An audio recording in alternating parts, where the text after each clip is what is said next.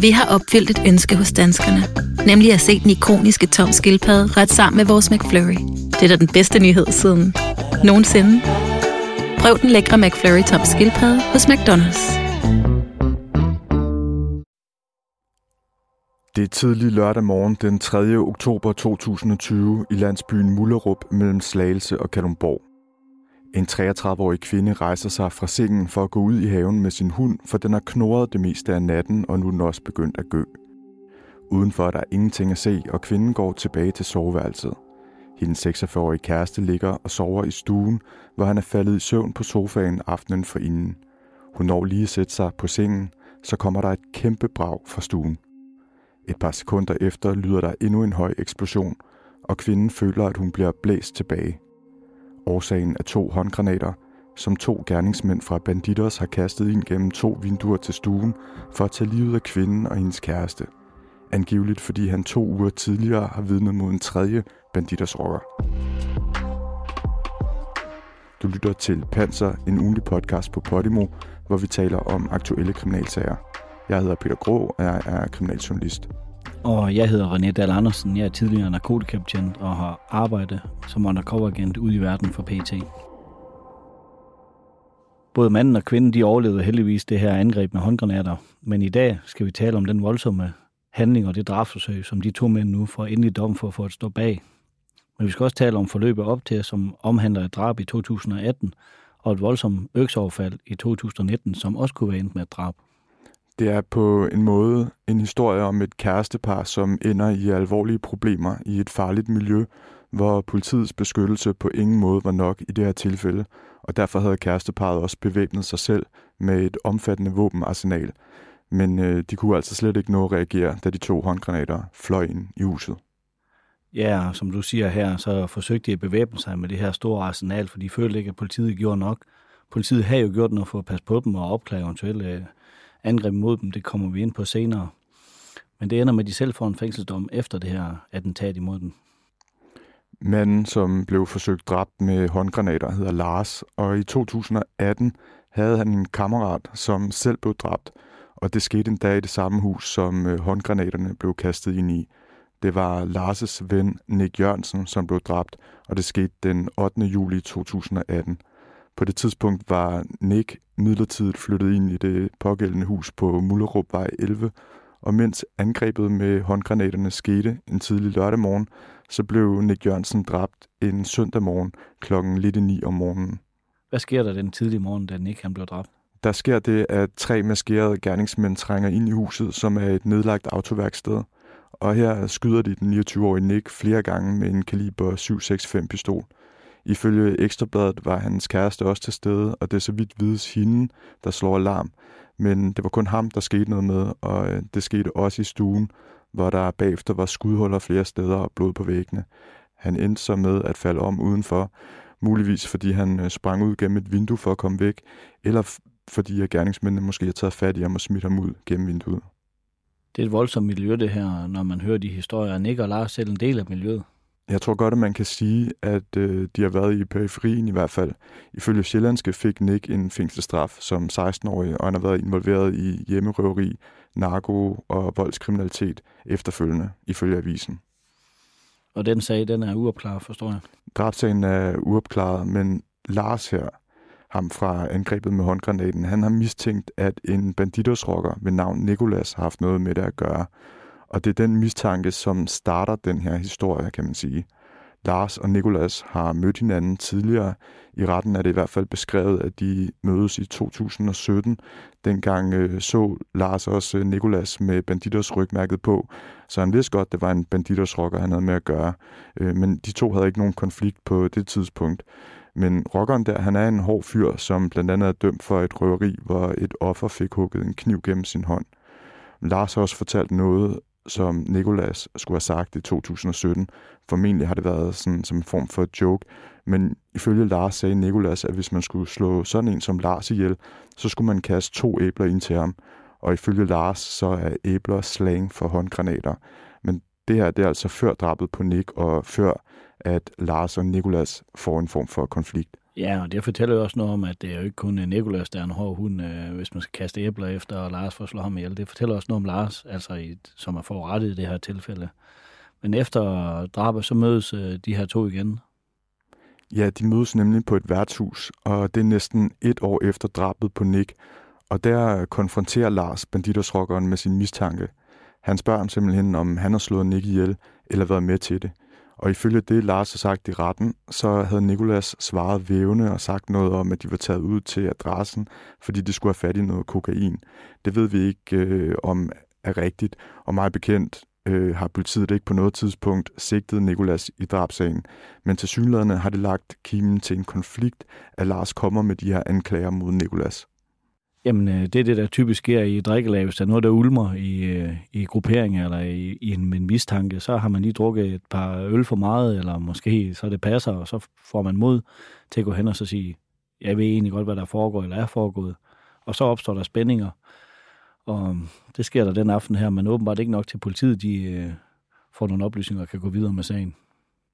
Det næste, der så sker, det foregår cirka tre måneder efter den her snak, som Lars og banditersrockeren Nikolas angiveligt har haft på et værtshus. Og det sker på en landevej, Ulstrupvej ved Gørlev, den 30. september 2019 ved trætiden om eftermiddagen.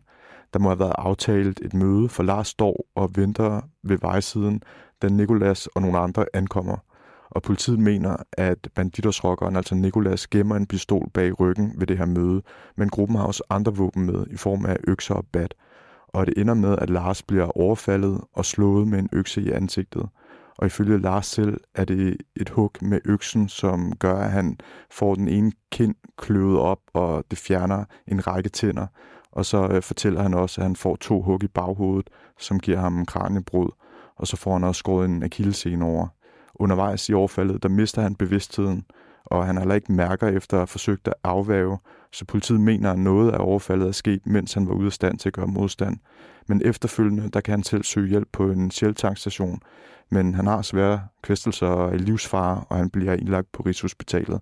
Men han kan selv udpege Nikolas som en af gerningsmændene, og de andre kender han ikke, men Nikolas bliver anholdt samme aften.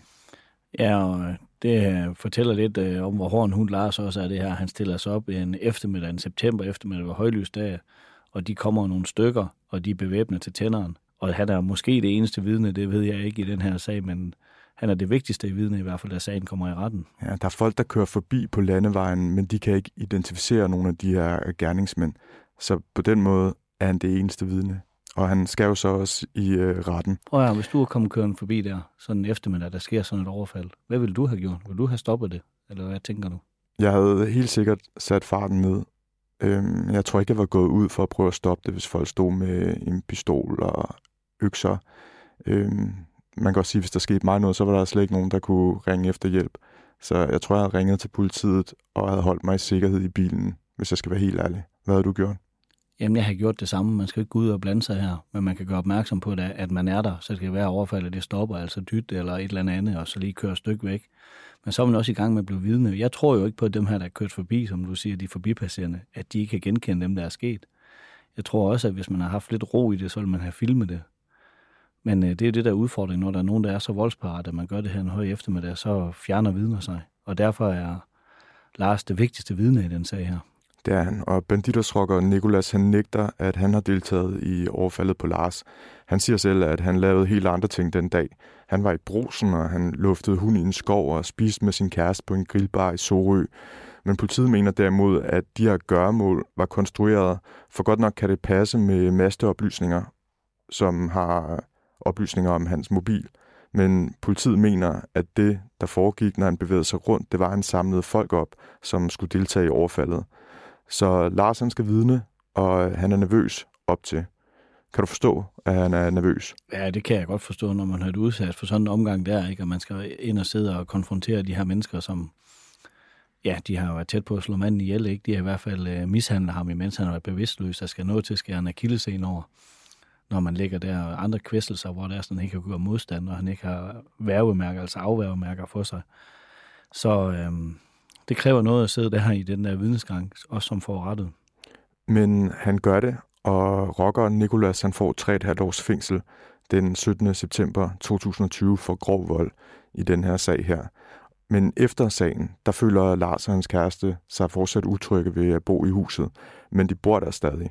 Ja, og det stusser jeg over, at man bliver boende, når man er udsat for sådan en omgang, man har lagt sig ud med en gruppering, der er så voldsparat, som de er i det her tilfælde, at man så bliver boende i et lokalområde. Der tænker jeg, at de fleste, de har trukket stikke, som man mm. siger, der hvor jeg kommer fra, og så få en anden sted at være. Men det gør han altså ikke, øh, ham Lars her. Men parret føler sig overladt til sig selv. Efter økseoverfaldet har politiet installeret videoovervågning på hans hjem, så de kan føle sig mere trygge. Og det sker på baggrund af truslen mod Lars. Men allerede omkring foråret 2020, der er de pillet den her videoovervågning ned igen. Og Lars beder så angiveligt om at få en overfaldsalarm, men det ønske får han aldrig noget svar på, siger han. Nej, og nu når politiet de piller de her videoovervågning ned, så gætter jeg på det, fordi man mangler ressourcer, for det er altså ressourcekrævende. Man kan jo godt have det siddende, men der er nogen, der skal sidde og kigge det igennem, hvis det er, som man vil se, der foregår noget. Eller så kan man lade det blive siddende, og så bare vente på, at der sker noget, og så har man gerningsmændene på video. Det er de to muligheder, der er. Plus at sådan noget teknik, det skal vi vedligeholdes, og politiet har altså kun en vis pulje af sådan noget her, ikke? Øhm, så hvor lang tid er man skal blive ved? Det er ressourcekrævende, og med hensyn til overfaldsalarm, det er sådan en brik, man kan få. Ligesom ældre mennesker, de har, hvis de er derhjemme, og det er sådan, man har brug for hjælp, hvis man falder eller et eller andet, at man er hjælpeløs.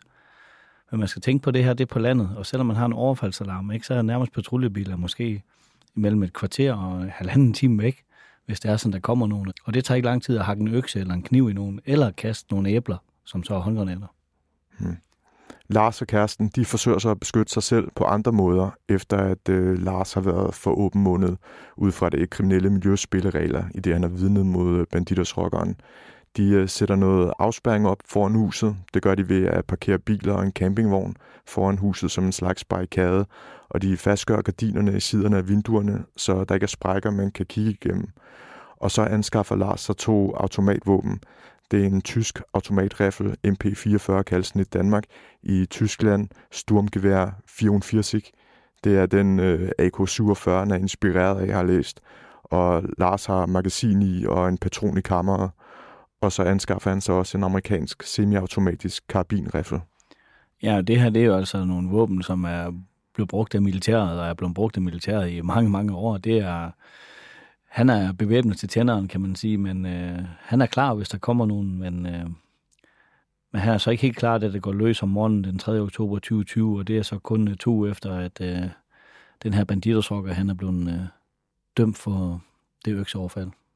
Og det, der sker kort før klokken 6 den her lørdag morgen, det er, at øh, Lars han ligger på sofaen i stuen og sover.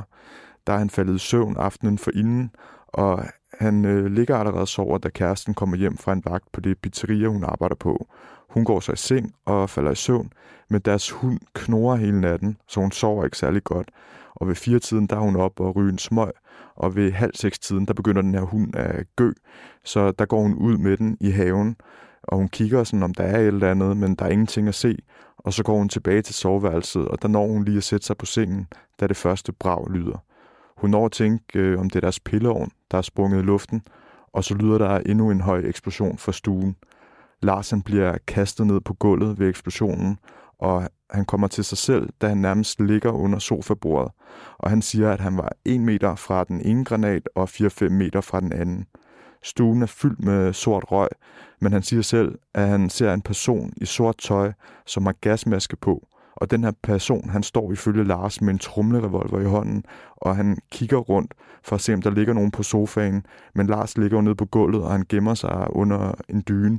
Og til synligheden bliver han af den grund ikke opdaget af personen med revolveren, som så forsvinder derfra. Efterfølgende rejser Lars sig. Han sætter blodige fodspor, for han er ramt af granatsplinter to steder i foden og kæresten og ham, de tjekker op på hinanden. Hun er okay. Først langt senere viser det sig ifølge hende, at hun også er ramt af en enkelt granatsblind. Og det er det her, jeg gerne vil forklare, hvordan de her to gerningsmænd eller flere gerningsmænd, de angriber militærtaktisk. Det er sådan, man gør i militæret, når man laver en fremrykning imod en stilling. Og man kan sige, at Lars og kæresten har jo en stilling, der de var bevæbnet. Og det kan, tænker jeg, at de her mennesker, der angriber dem med håndgranater ved. Så eller de er måske i hvert fald bange for det.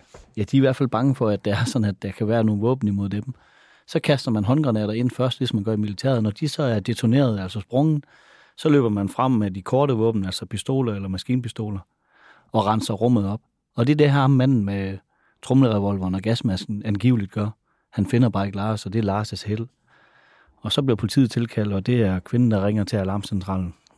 Den første patrulje på stedet er kommet kørende fra Kalumborg, og da de kommer frem, kan de hurtigt se, at der er en dør, der hænger skævt i hængslerne, og vinduerne er blæst ud, så gardinerne blaffer i vinden.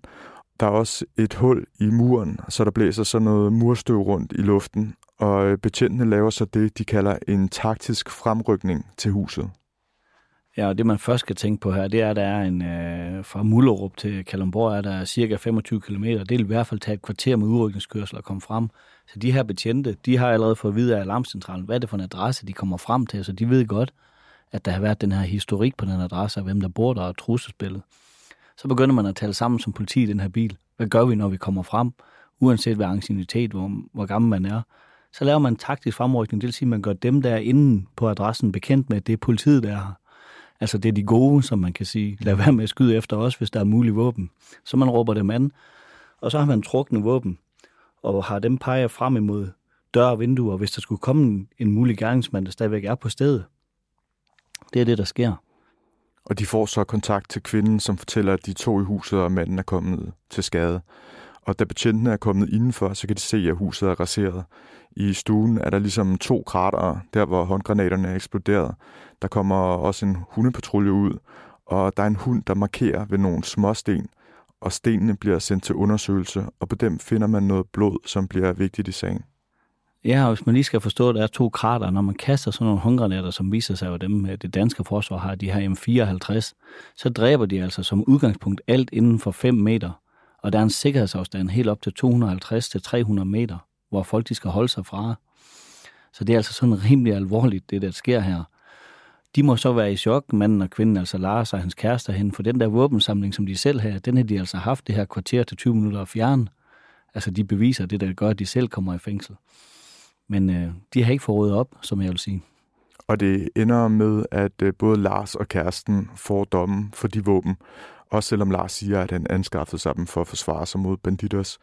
Kvinden forklarede i retten, at hun troede, det var paintballgevær, men ifølge en betjent, som kom ud til adressen efter håndgranatangrebet, der sagde hun til ham, at hun tit sov med det ene gevær på grund af frygt.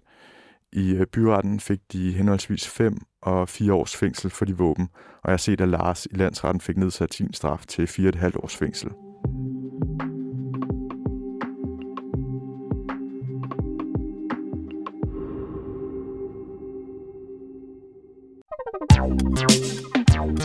Der er kommet et nyt medlem af Salsa Cheese Klubben på MACD. Vi kalder den Beef Salsa Cheese, men vi har hørt andre kalde den Total Optor. Og i sagen om det her angreb med de øh, håndgranater ender to banditersrokkere på anklagebænken. Og det er så i den sag, hvor der er kørt en ankesag i sidste måned. Øh, de to var i byretten, dømt skyldige i drabsforsøg, og de fik 10 og 12 års fængsel. En 32-årig mand ved navn David var prøvemedlem i klubben, da det skete. Han fik de 12 år, og den anden er en 38-årig mand, som var fuldgyldig, og hans navn er i dag Titan.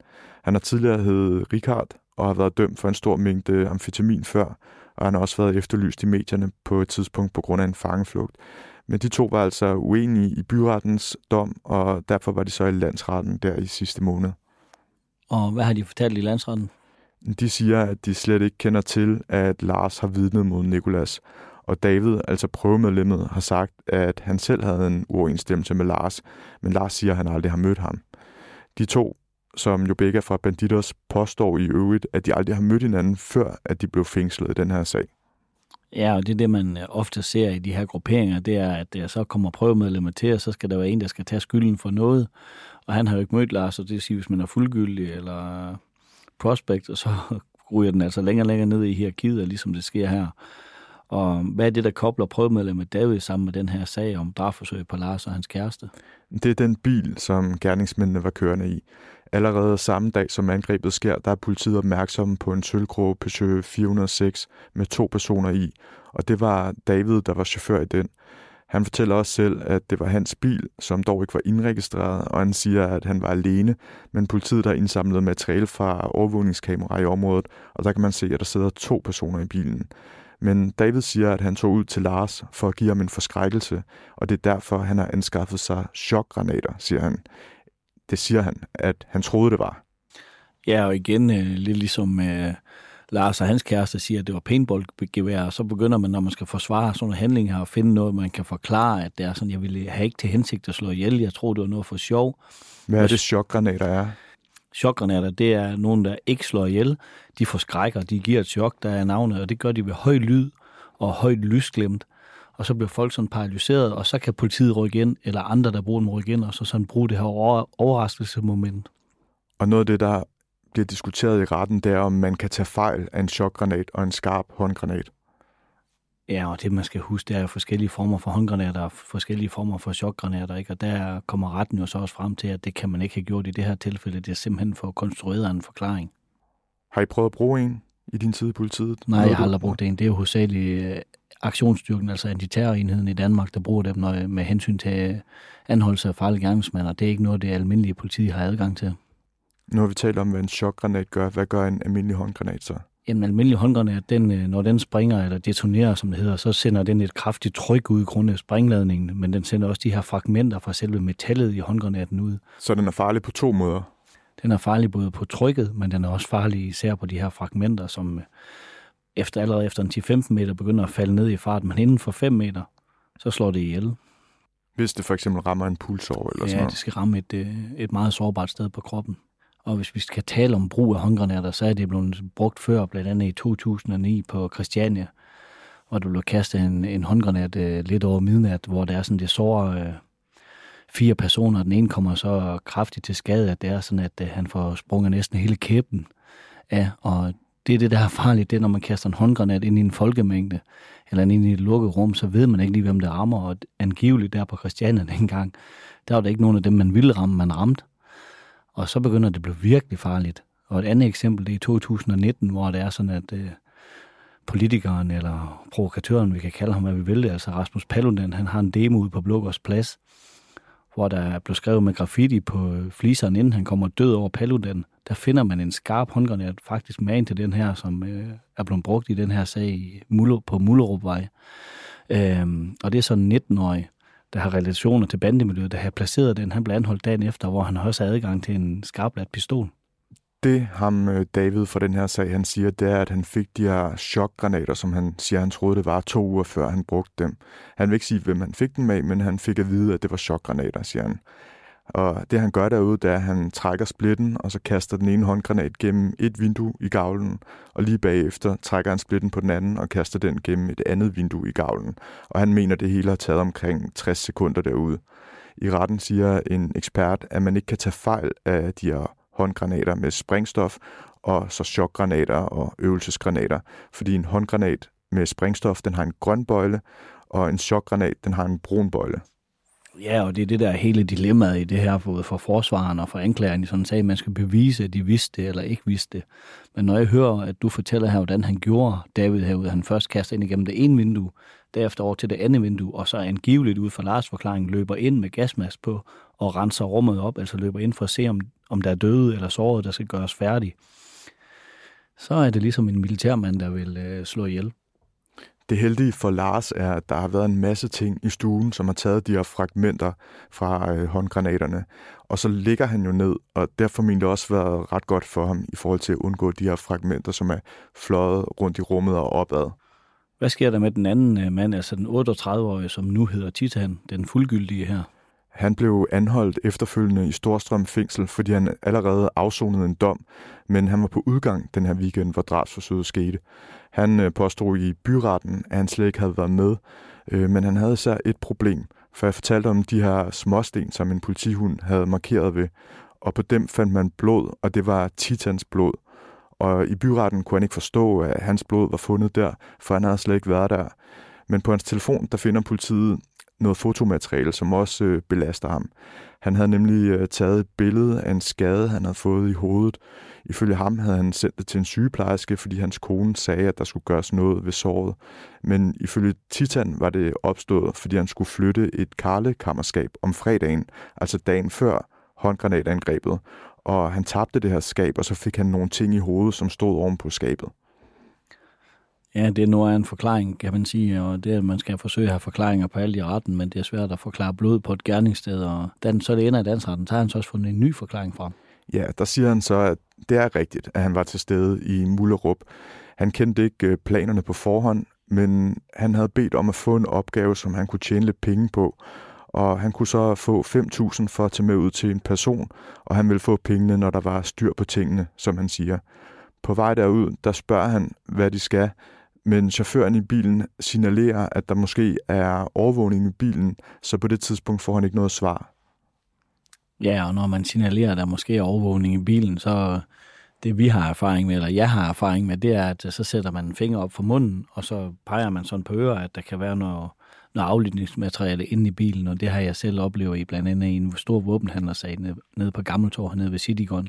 Titan han siger så, at det kun er den anden person, der kaster håndgranater, og han vil ikke sige, hvem den anden er, selvom David jo sidder i et samme retslokale og siger, at det var ham, der også var der. Men han fortæller, at da en af håndgranaterne eksploderer, der bliver han ramt af et glasskår ved øjet, og det var så derfor, man fandt hans blod der. Hvad siger retten til de her forklaringer, og hvad ender selve sagen med? Retten tror ikke på deres forklaringer.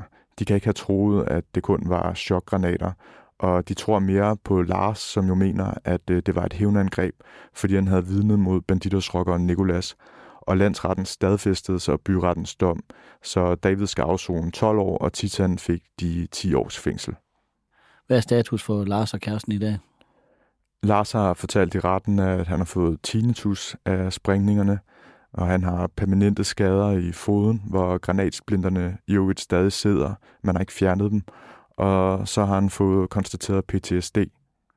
PTSD, det kan jeg godt forstå, at øh, Lars har fået efter den omgang her. Først det der, vi hører der ude på landevejen med øksehug og skåren af kildesen over overfald, forsøger at forsvare sig selv, og så bliver han angrebet med håndgranater sammen med sin kæreste i huset. Og det er det, jeg har sagt tidligere. Man skal huske, at folk, der er færdige det her kriminelle miljø, hvor man er konstant er parat og, og vågen, for der kan ske en noget, og det her psykiske pres, der også er.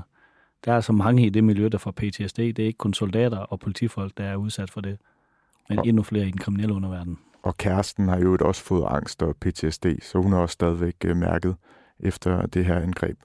Hvordan er fremtidsudsigterne for Lars, vil du mene? Jamen, øh, selv efter den her omgang, nu han sidder nede i retten igen, øh, jeg både sige håber ikke, og jeg tænker ikke, at han bliver boende på Mullerup i nærheden af det her miljø.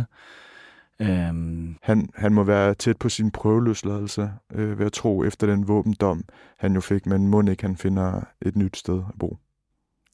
Det ville jeg have gjort. Hvad ville du have gjort? Jeg havde da også fundet et andet sted. Se at finde ro, og så søge væk fra det miljø, som ikke vil en noget godt, og, og det tænker jeg hver gang, jeg hører om sådan en sag her, det er, at hvis man lægger sig ud med de forkerte, eller man kommer tæt på det miljø, så kommer der nogle konflikter, eller der er far for nogle konflikter, som ikke bliver løst ved samtale, det bliver løst ved, at folk er voldsparate.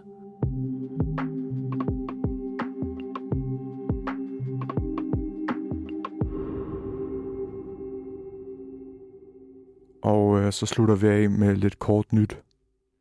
Jamen, øh, nu i fredags, der blev en 23-årig mand varetægtsfængslet i 20 dage for at have placeret og detoneret cirka 5 kg sprængstof i en butik på Maglebytorv i Dragør. Og eksplosionen den finder sted cirka halv et øh, søndag nat, men ingen personer kom til skade ved eksplosionen hvilket er heldigt, for hvis det er 5 kilo sprængstof. Men den 23-årige, han nægtede sig skyldig og ville ikke udtale sig i retten. Og politiet de mener stadigvæk, der er mindst én uidentificeret gerningsmand på fri fod. Og den eksplosion i Dragør, den sker jo dagen efter, der var en eksplosion i Hestens kvarter i Ballerup. En institution og et rækkehus, de får skader i forbindelse med sprængningen, og to personer, de var forbi sygehuset ifølge Jyllandsposten med chok, men ingen fysiske skader, og det er virkelig heldigt, at det er sådan, at der i ingen af tilfældene, at der er nogen, der enten bliver alvorligt kvæstet eller bliver slået ihjel. En 45-årig såkaldt provokunstner er i mandags blevet idømt halvandet års ubetinget fængsel, ligesom øh, kunstneren er dømt til at betale 1,9 millioner kroner i erstatning for de skader, som hun lavede på Asger Jorns maleri med titlen Den foruroligende Elling den dømte hedder Ibi Pibi, og juridisk set er hun en kvinde, fordi hun fik et juridisk kønsskifte i 2015, men fysisk har hun ikke ændret noget ifølge Jyllandsposten, så hun ligner en ganske almindelig mand.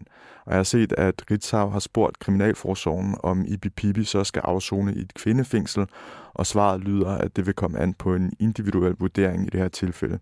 Ibi Pibi selv har sagt til Midtjyllands Avis, at hun helst vil afzone i et kvindefængsel.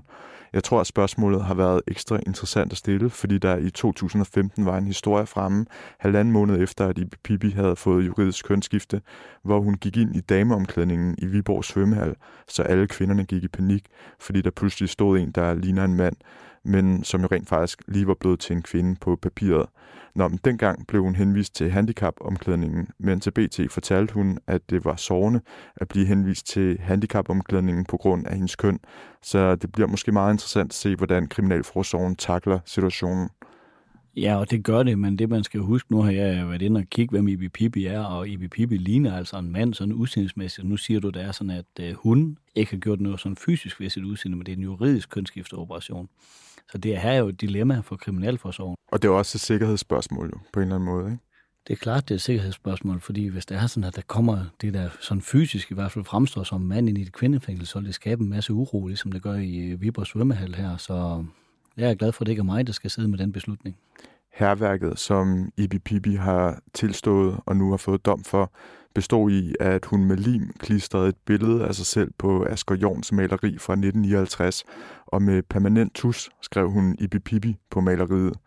Herværket blev begået på Museum Jorn i Silkeborg den 29. april sidste år, og Ibi Pibi har to uger til at anke dommen.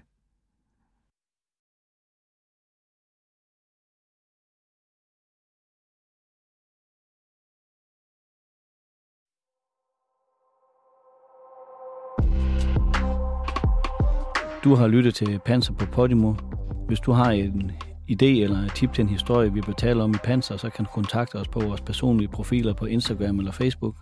Mit navn er René Dahl Andersen, min medvært er Peter Grå, og vi er tilbage med mere Panser på næste torsdag.